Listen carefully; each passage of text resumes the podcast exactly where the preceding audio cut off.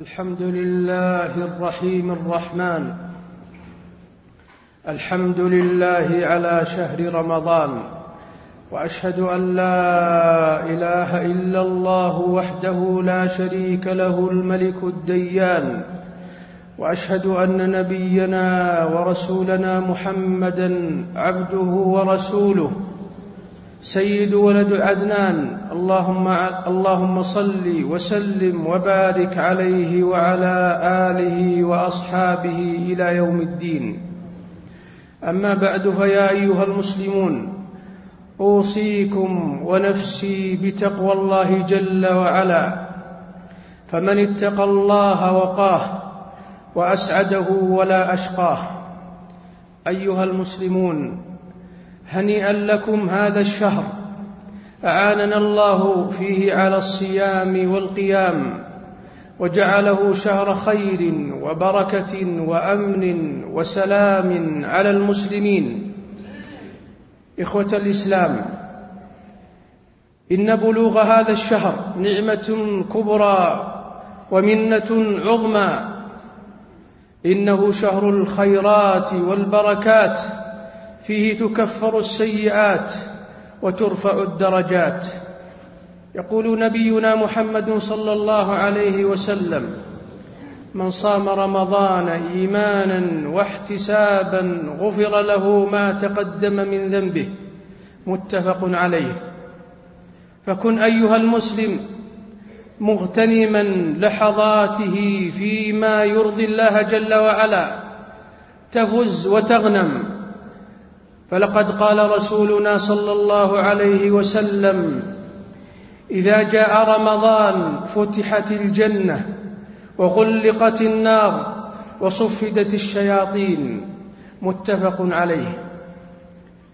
معاشر المسلمين إن الفوز الأعظم والفلاح الأتم في اغتنام أوقات هذا الشهر بالمبادرة إلى الطاعات والمسارعة إلى فعل القربات والجود بكل بر بأنواعه المختلفة.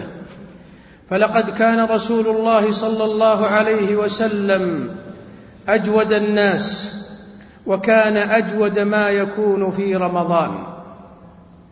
وإن الخسارة الكبرى التي لا تعوض في الإهمال والتفريط وتضييع أوقات هذا الشهر سدى. فكيف بتضييعها في المعاصي وفعل السيئات؟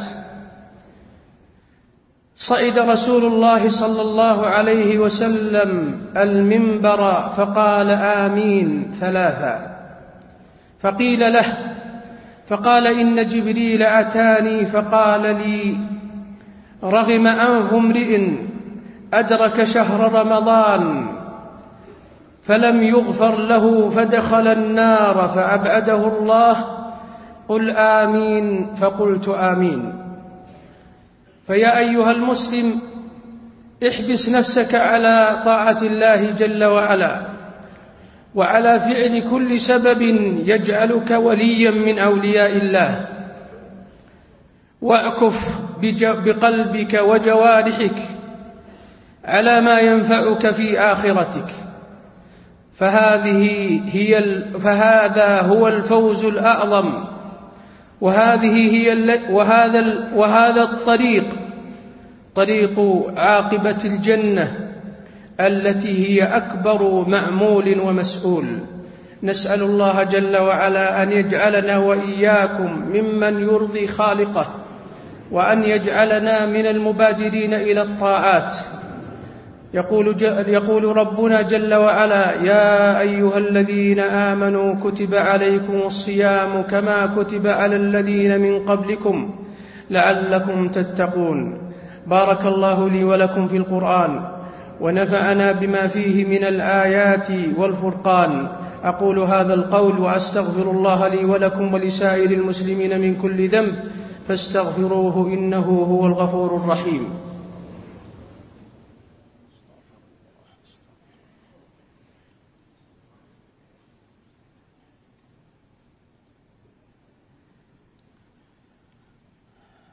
أحمد ربي وأشكره وأشهد أن لا إله إلا الله وحده لا شريك له وأشهد أن نبينا محمدا عبده ورسوله. اللهم صل وسلم وبارك عليه وعلى آله وأصحابه. أما بعد فيا أيها المسلمون إن, إن أعظم الأعمال فضلا تلاوة القرآن بتدبر وتعقل وتمعن خاصة في هذا الشهر فهو شهر الصيام وتلاوة القرآن شهر رمضان الذي أنزل فيه القرآن. أيها المسلمون اجتهدوا في هذا الشهر بالابتهال والتضرع للمولى جل وعلا. واصرفوا صادق دعائكم أن يصلح الله أحوال المسلمين وأن يحفظهم في كل مكان. يقول صلى الله عليه وسلم ثلاثة لا ترد دعوتهم وذكر منهم الصائم حين يفطر وفي رواية حتى يفطر. إخوتي أئمة المساجد اجتهدوا في تطبيق السنة في دعاء القنوت فهذه هي البركة الكبرى إنها تطبيق سنة محمد صلى الله عليه وسلم. فذلك أعظم سبب لاستجابة الدعاء. واجتنبوا السجع المبالغ فيه. فلقد قال ابن عباس رضي الله عنه لإمام من الأئمة واجتنب السجع فإني وجدت أصحاب رسول الله صلى الله عليه وسلم يجتنبونه. احرصوا على الإخلاص والصدق وتجنبوا الاعتداء في الدعاء.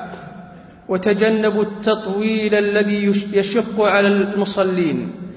جعلني الله وإياكم من المطبقين لسنة نبينا محمد عليه أفضل الصلاة والسلام. اللهم أصلح أحوالنا وأحوال المسلمين.